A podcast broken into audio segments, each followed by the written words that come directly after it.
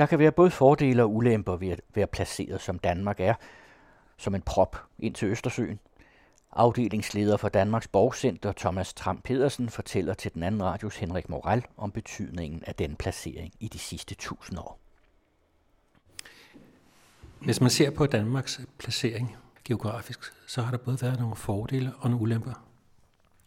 Ja, det er klart, at Danmarks placering med havudsigt hele vejen rundt har både indeholdt fordele og, og ulemper. Vi har ligget helt frem til Østersøen, og det har altid været Danmarks fordel på mange områder, men det har altså også været årsagen til rigtig mange problemer. Hvor langt kan vi gå tilbage?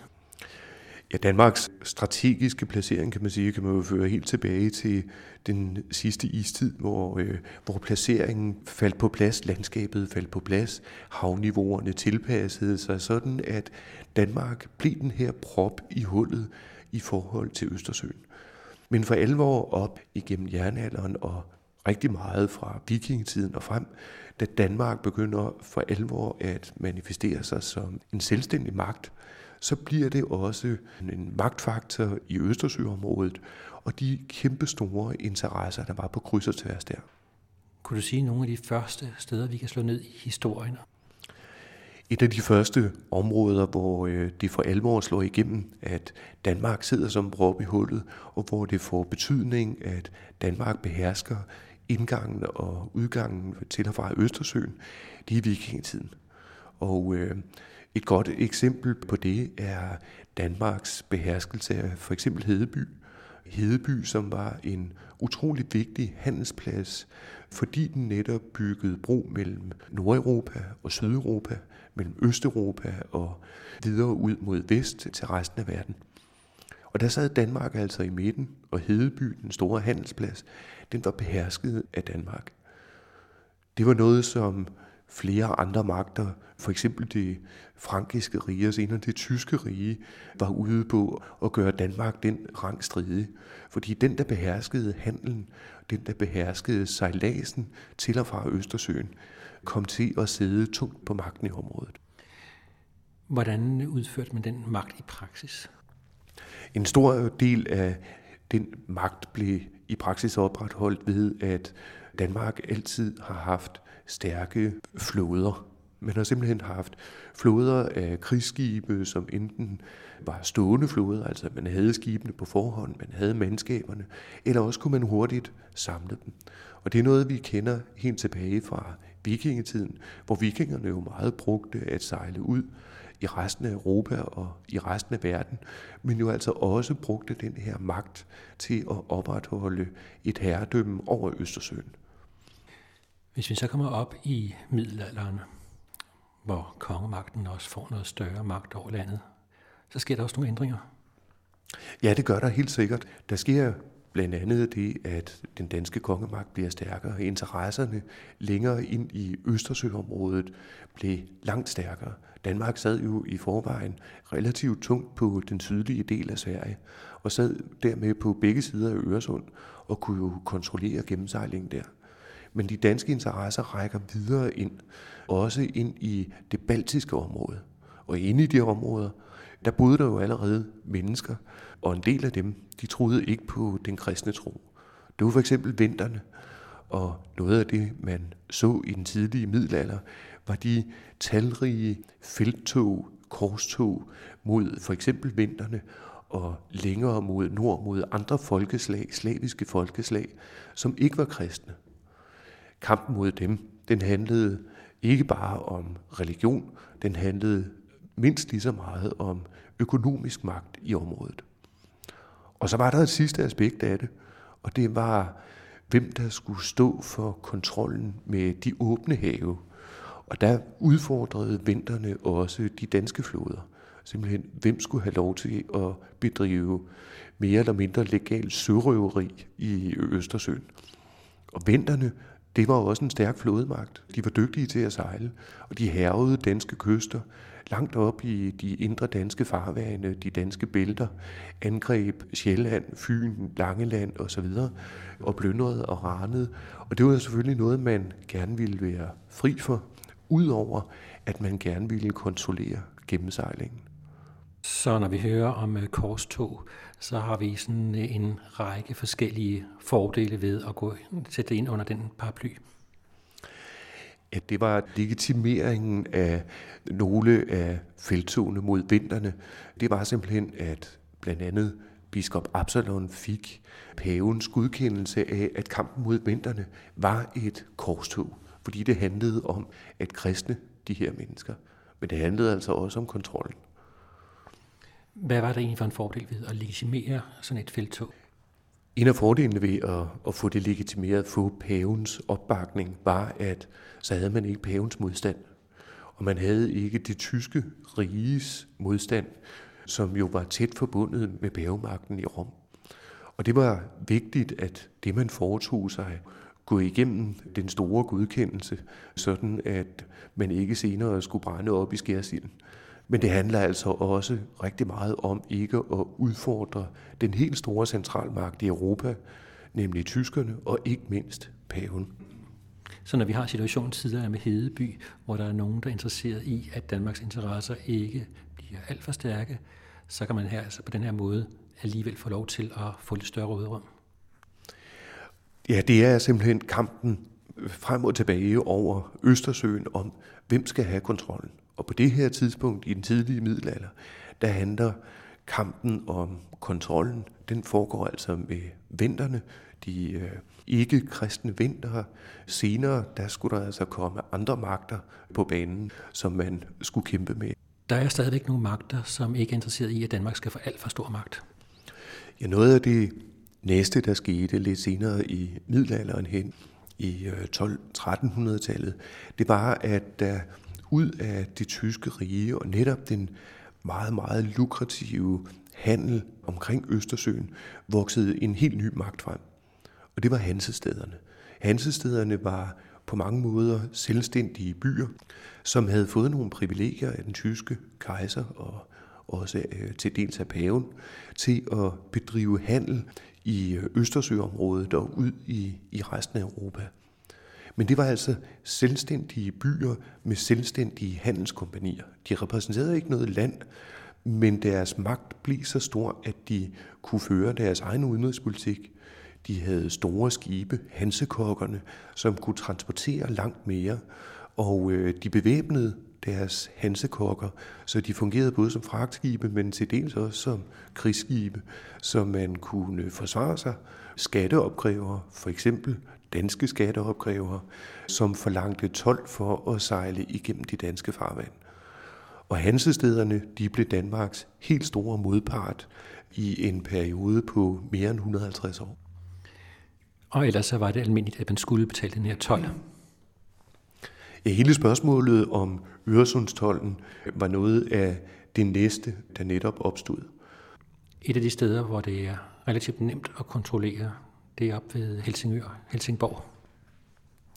Ja, det er rigtigt. Efterhånden som skibene blev større, det skete allerede i perioden med hansestederne, så øh, kunne man ikke på samme måde sejle på floderne. Man kunne ikke sejle ned igennem Europa. Man var nødt til, for at komme ind og ud af Østersøen, og sejle igennem de danske farvand. Og der sad den danske magt altså tungt på alle sider. Den danske konge sad på Jylland, på Fyn, på Sjælland, men også på det sydlige Sverige.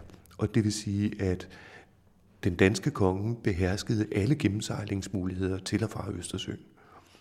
Og et af de helt oplagte steder, eventuelt at sætte en bum for og kræve penge for at, at sejle igennem, det var ved det snævre farvand mellem Helsingør og Helsingborg. Og øh, netop det sted, hvor Kronborg ligger i dag, det var stedet, hvor man i de næste mange hundrede år opkrævede 12 for at kunne sejle igennem.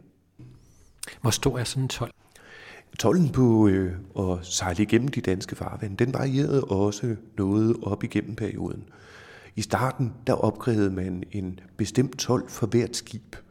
Og det vil sige, at når et skib ville sejle ind i Østersøen med varer, så skulle det pænt lægge til ved Kronborg, og så skulle man betale en bestemt sum per skib. Men efterhånden som skibene blev meget større og kunne fragte meget mere, så kunne man fra den side godt se, at det var måske en dårlig politik. Og i stedet for, så indførte man en 12 per ton fragt, der blev fragtet. Og det betød i realiteten, at skibene skulle lægge til. De skulle læse alle deres varer af og få dem efterprøvet, få dem vejet af, og så betale en tolv, inden de kunne få lov til at sejle videre. Og det var bestemt ikke alle søfarende nationer, der var særlig interesseret i det. Dels kostede det jo penge, men det kostede også tid og mandskab at skulle sejle igennem og, og lægge til i Helsingør hver gang. Og det fik nogle af de nye fjender på banen, nemlig en af de handelsmagter, der i 1500-årene for alvor voksede frem, nemlig hollænderne. Og hvad var så deres muligheder for at udfordre den danske magt? Hollændernes muligheder for at udfordre den danske magt var ganske gode. Hollænderne stod sig, og nederlænderne stod sig ganske godt med paven, og var en af de helt store stormagter i Europa på det her tidspunkt. De var måske ikke så militært stærke, men de havde retten på deres side, og så rådede de over enorme økonomiske midler. Og igen, de kunne udruste deres skibe med kanoner, og hvis man ikke fik sin vilje, jamen så kunne man faktisk starte en krig mod Danmark. Og netop med striden med nederlænderne i løbet af 1500-tallet, der begyndte man for alvor på en kollisionskurs med, med stormagterne, fordi man fra dansk side konsekvent opkrævede en Øresundstol, eller generelt en sundtol, for at sejle igennem de danske farvand. Men selvom man øh, gerne ville være fri for det, så var det vel accepteret, at det var sådan, man gjorde? Andre magter var sådan set nødt til at øh, acceptere den danske tolv. Og det man betalte tolv for, det var, at Danmark til gengæld sørgede for, at man kunne finde vej gennem de danske farvand. Det er ikke helt lige til at sejle udenom de store rev og så videre, der er i de danske farvand. Danmark forpligtede sig også til at holde området frit for sørøvere, sådan at fremmede magter frit kunne øh, sejle uden at blive overfaldet.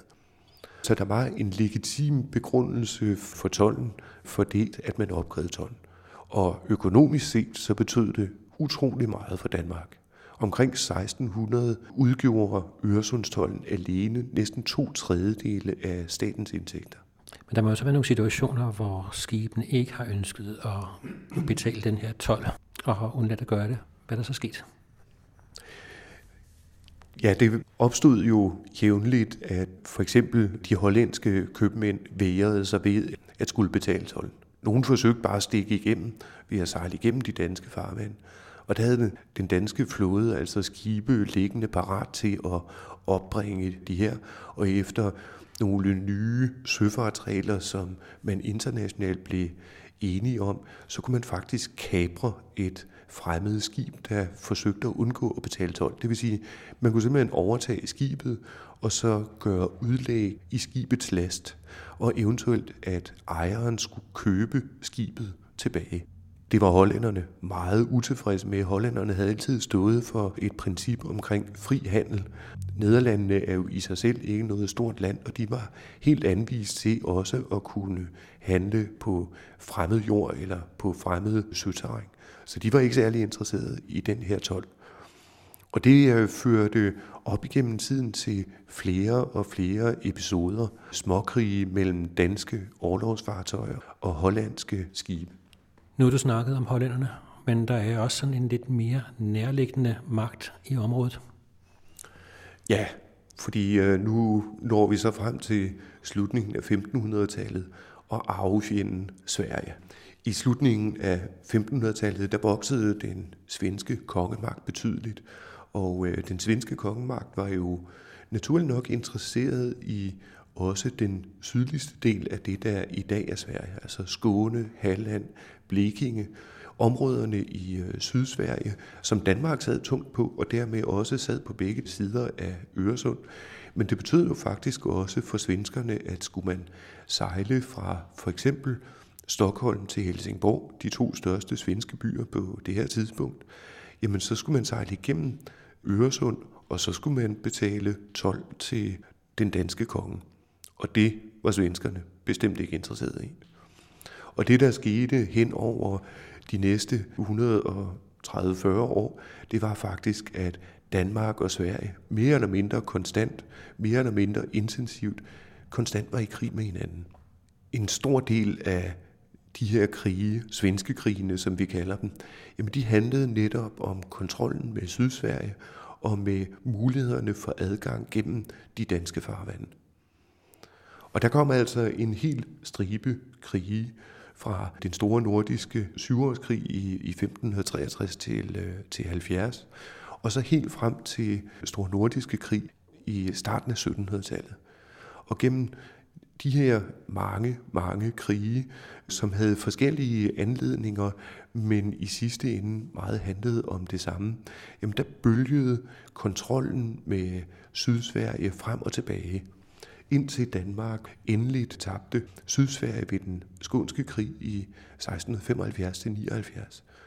Og dermed blev Danmarks muligheder for at kontrollere gennemsejling af Øresund jo lige pludselig også beskåret. Helsingborg, som tidligere havde været dansk, jamen den blev lige pludselig under svensk kontrol. Og det vil sige, at Danmark kun sad på Sjælland, altså på Kronborg, og havde begrænsede muligheder for at kontrollere gennemsejlingen. Men Øresundstollen, den fandtes stadigvæk. Var det slet ikke fremme, at man kunne give svenskerne lov til at passere danske farvand? Man overvejede faktisk i flere omgange, om man skulle indgå nogle forlig med svenskerne, og i en kortvarig periode i midten af 1600-tallet, der kunne svenskerne faktisk passere efter freden i Roskilde, en fredstraktat mellem øh, Danmark og Sverige. Men det blev hurtigt opgivet igen fra dansk side, den danske konge havde simpelthen brug for indtægterne fra Øresundstollen for at kunne føre dels egne krige, dels mod svenskerne, men også krige i det nordtyske område, i Slesvig-Holsten osv., men også til at få moderniseret hele samfundet, fordi det samtidig var et moderne samfund, der begyndte at vokse frem. Og moderne samfund, det er noget, der koster penge, og pengene de kommer bedst fra skatter, og kan man få nogen uden for landet til at betale de skatter, så er det jo allerbedst. Men Danmark som stormagt, det har også udfordret andre end øh, hollændere og svenskere, også længere væk. Ja, fordi for at kunne opretholde kontrollen med Østersøen og med de danske farvande, så opbyggede Danmark med tiden en enorm flåde, og faktisk en af de stærkeste flåder i verden. I slutningen af 1700-tallet, begyndelsen af 1800-tallet, der var den danske flåde noget, som de andre stormagter virkelig havde respekt for. Danmark havde haft flere søslag, store søslag med Sverige, som man havde vundet, og man var dygtige både taktisk, militært, men også i forhold til sømandskabet, så var den danske flåde rigtig, rigtig dygtig. Og så havde de masser af skibe, gode skibe, og det vil sige, at de også kunne udgøre en trussel mod stormagterne. Og det blev aktuelt blandt andet under Napoleonskrigene. Og det var Napoleonskrigene, som i virkeligheden var krige, der ikke havde Danmark som en primær part. Det var netop Napoleonskrigen, der fik striden med England for alvor i gang. Fordi den danske flåde kunne udgøre en trussel mod englænderne, og hvad nu, hvis Danmark valgte at træde ind på Englands side, eller på Ruslands side, eller tage del i de stormagtsstridigheder, som prægede hele Napoleonskrigen. Det var noget, englænderne bare interesserede i at undgå, og øh, første gang de kom til Danmark, Lord Nelson, i 1801, så var det netop for at sørge for, at den danske flåde blev sat ud af spillet. Men øh, Danmark blev også allieret med Frankrig. Danmark øh, blev øh, som del af Napoleonskrigene faktisk engageret sammen med Frankrig, og det hang også sammen med relationerne til Rusland og de tætte alliancer, der var på frem og tilbage mellem Rusland og Frankrig og Preussen og en stribe andre magter.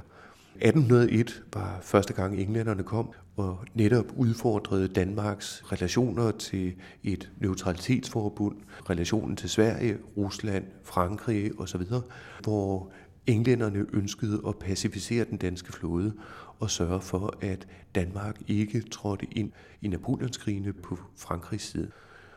Det holdt frem til 1807, og øh, Danmark trådte efterhånden ind på fransk side og blev altså direkte modstandere til englænderne. Og i 1807 kom englænderne tilbage, bombede København og øh, faktisk tog den danske flåde.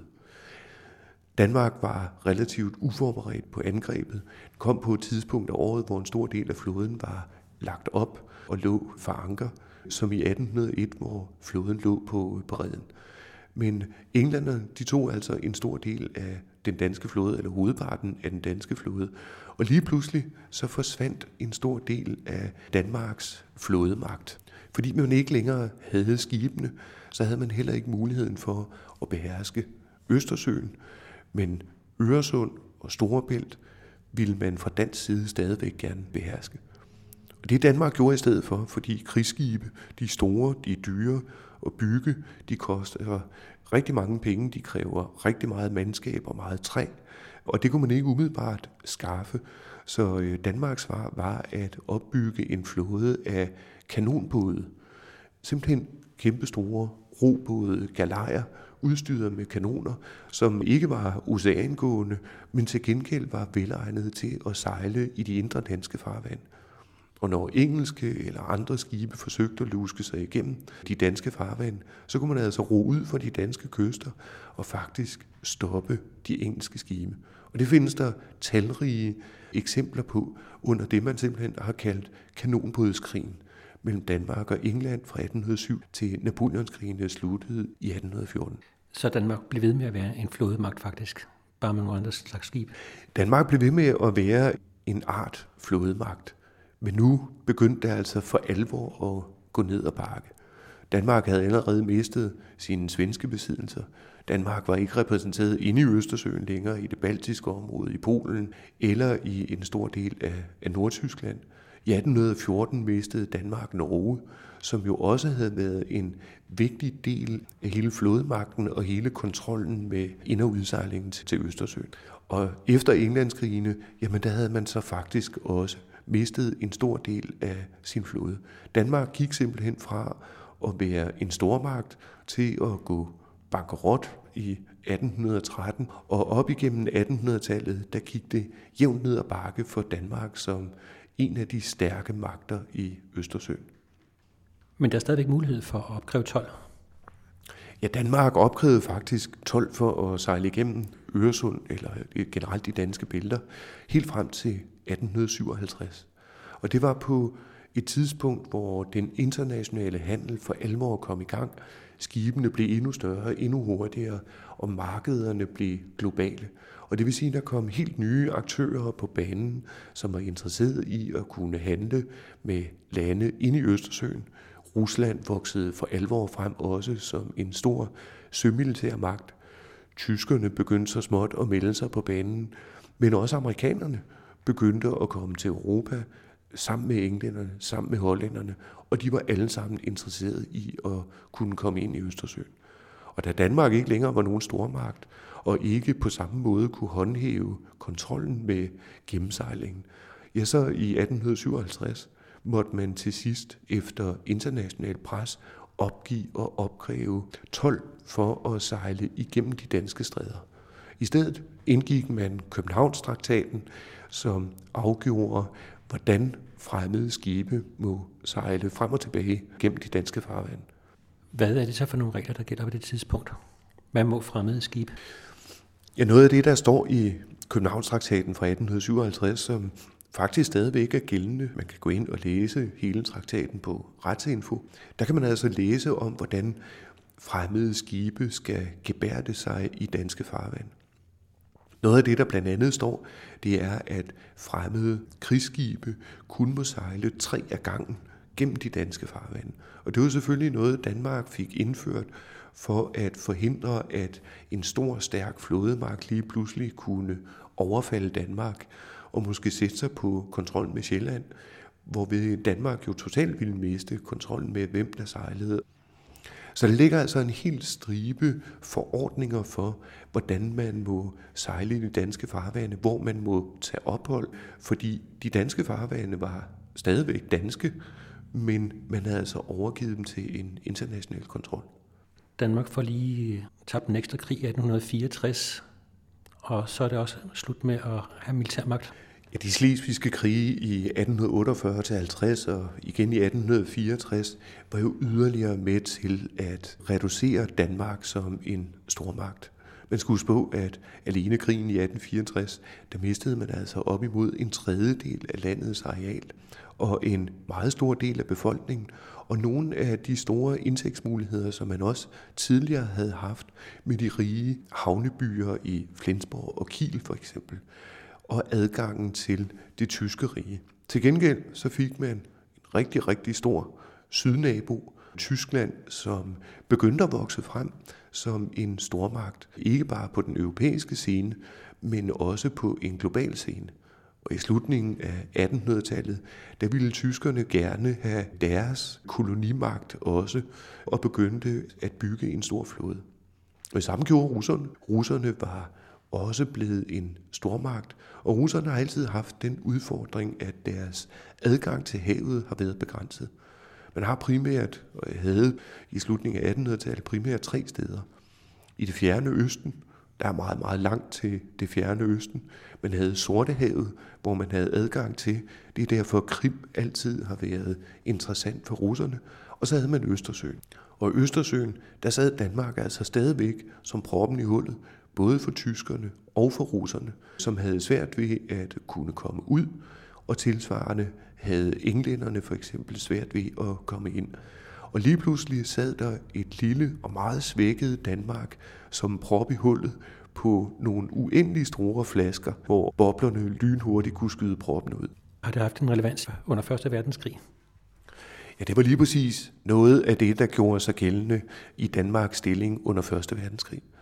Allerede faktisk i 1904-5, der blev vi menet om, at, at Danmark godt kan blive involveret i en stormagtskonflikt.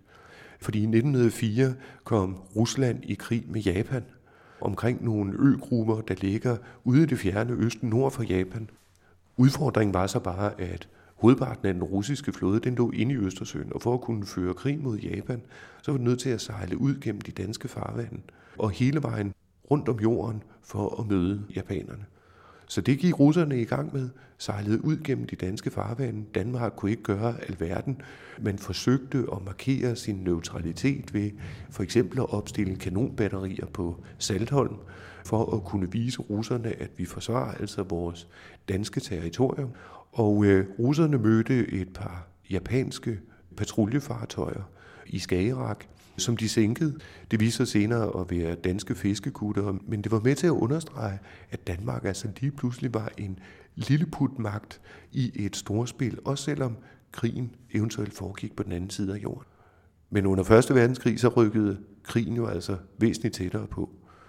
Og straks blev kontrollen med de danske farvand interessant, både for tyskerne, men også for englænderne. I 1. verdenskrig var jo en kæmpe konflikt, hvor Danmark som udgangspunkt jo var neutral og uafhængig, men jo altså kun var det i det omfang, at vi også kunne forsvare vores eget territorium, blandt andet søterritoriet. Og det var der altså øh, rift om på det her tidspunkt, fordi tyskerne havde deres kæmpestore flåde liggende inde i Østersøen, og englænderne de havde deres kæmpestore flåde uden for Østersøen.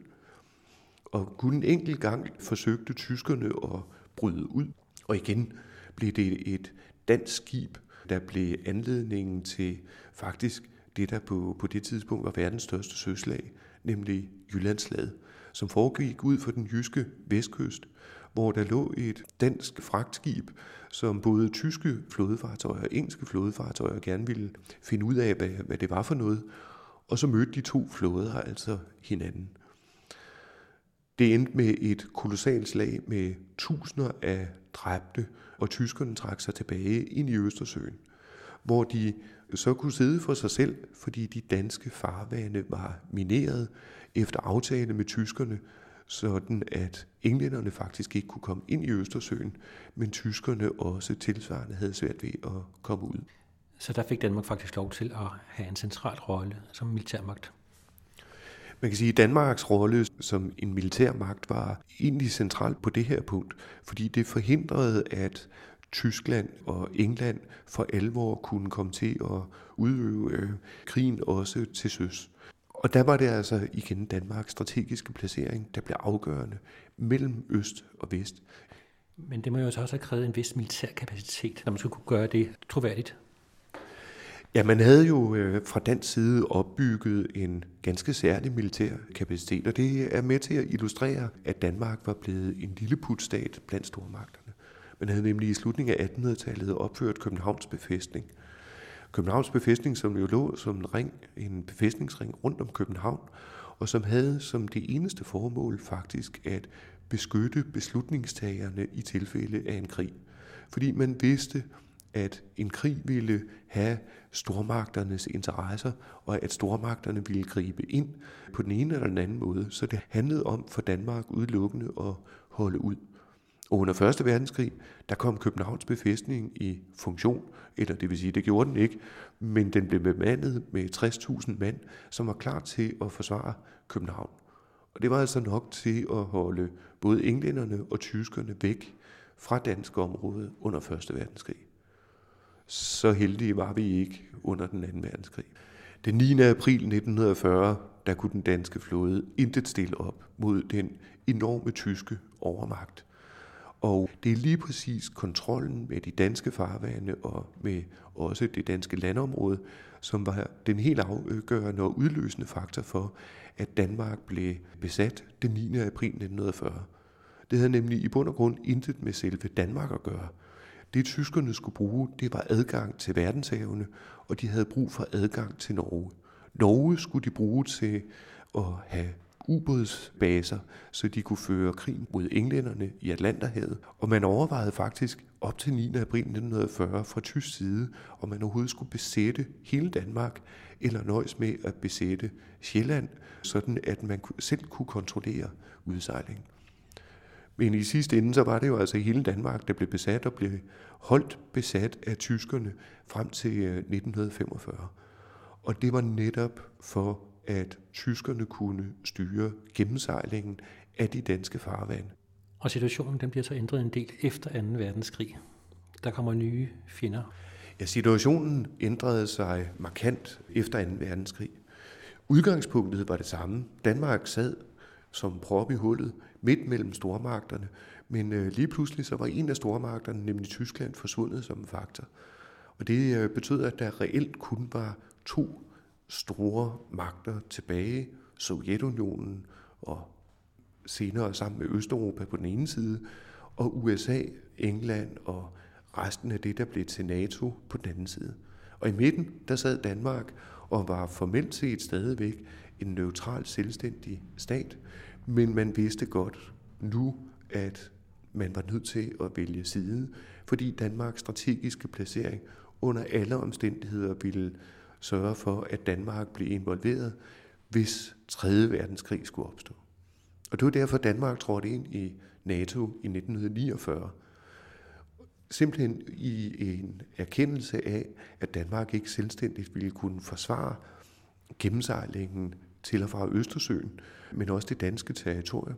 Man var simpelthen nødt til at satse på at få hjælp udefra, hvis Danmark blev angrebet. Og den hjælp, den valgte man skulle komme fra NATO. Men et er, at Danmark har kun få hjælp udefra, men det har vel også været en fordel, at Danmark har været placeret, som det har, i NATO-sammenhæng. Danmarks placering var absolut interessant for NATO, fordi det, at, Danmark kunne sidde sammen med NATO og kontrollere gennemsejlingen til og fra Østersøen, var også med til at holde Sovjetunionen og Varsava-paktens medlemslande inde i Østersøen, og i hvert fald kunne kontrollere, når man sejlede igennem. Og det var en af de helt centrale roller, som dansk forsvar fik under den kolde krig. Det var simpelthen kontrollen med de danske farvande. Og det var det ikke kun i krigstid, det var det også i fredstid.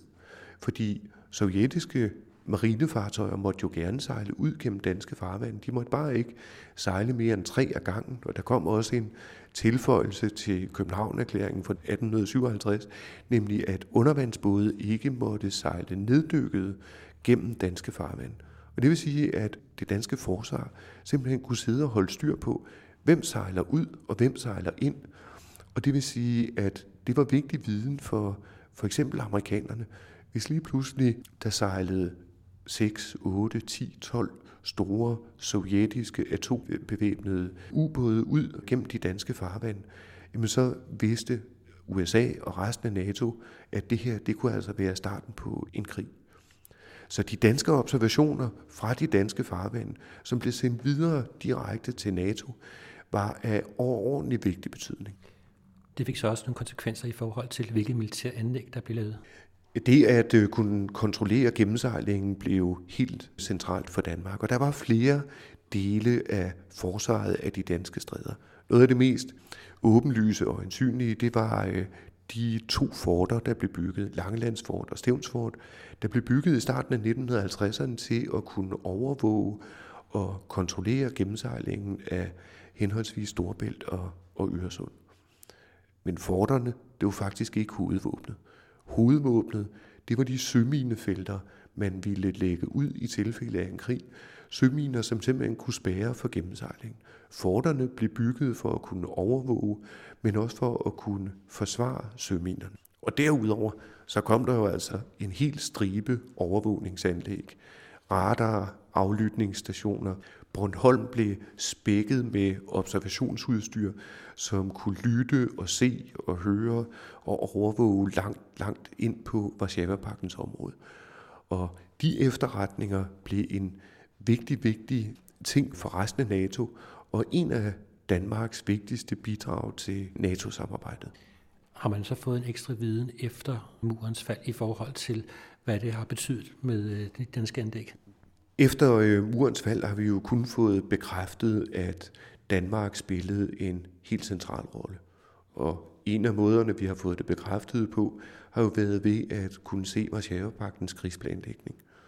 Og desværre må vi erkende, at Danmarks udsatte strategiske placering som proppen i hullet mellem øst og vest også medførte, at det var her 3. verdenskrig var startet. Hvis det var kommet til en 3. verdenskrig mellem Sovjet og USA, mellem NATO og Varsjava-pakten, jamen så var det Varsjava-paktens plan, at krigen skulle starte netop i det østjyllandske område med, at man ville bombe blandt andet Stævnsfort med atomvåben. Og formålet med det, det var at kunne kontrollere gennemsejlingen sådan, at de sovjetiske flådefartøjer frit kunne sejle ud gennem Øresund. Og et par dage senere ville man så også besætte hele Sjælland. Var det sket, og det var altså planen helt frem til murens fald og Sovjetunionens opløsning i 1989 og 91, var det sket, så havde det været sket med Sjælland og med en stor del af Jylland. Hele området var blevet bumpet sønder og sammen, simpelthen på grund af dets strategiske placering. Men øh, selvom murens fald, så er der stadigvæk en interesse i danske områder. Ja, bare fordi muren er faldet, og verdensbilledet er kommet til at se en lille smule anderledes ud, så en af de konstanter, der altid har været i i hvert fald den europæiske del af verdensbilledet, det er, at Danmark sidder som proppen i hullet.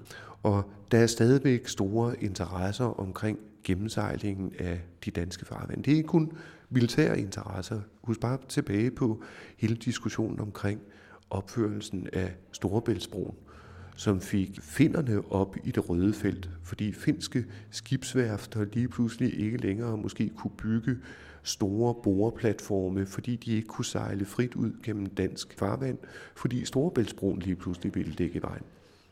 Og senest så er der kommet en fornyet strategisk interesse med den begyndende konflikt, der måske er på vej mellem Rusland på den ene side og NATO på den anden. Danmarks placering som proppen i hullet er stadigvæk højaktuel, som den har været det de sidste tusind år. Udsendelsen var tilrettelagt af Henrik Moral og er en del af den anden radioserie Museer skaber viden. Du kan finde flere udsendelser i serien på den anden radios hjemmeside. Skål.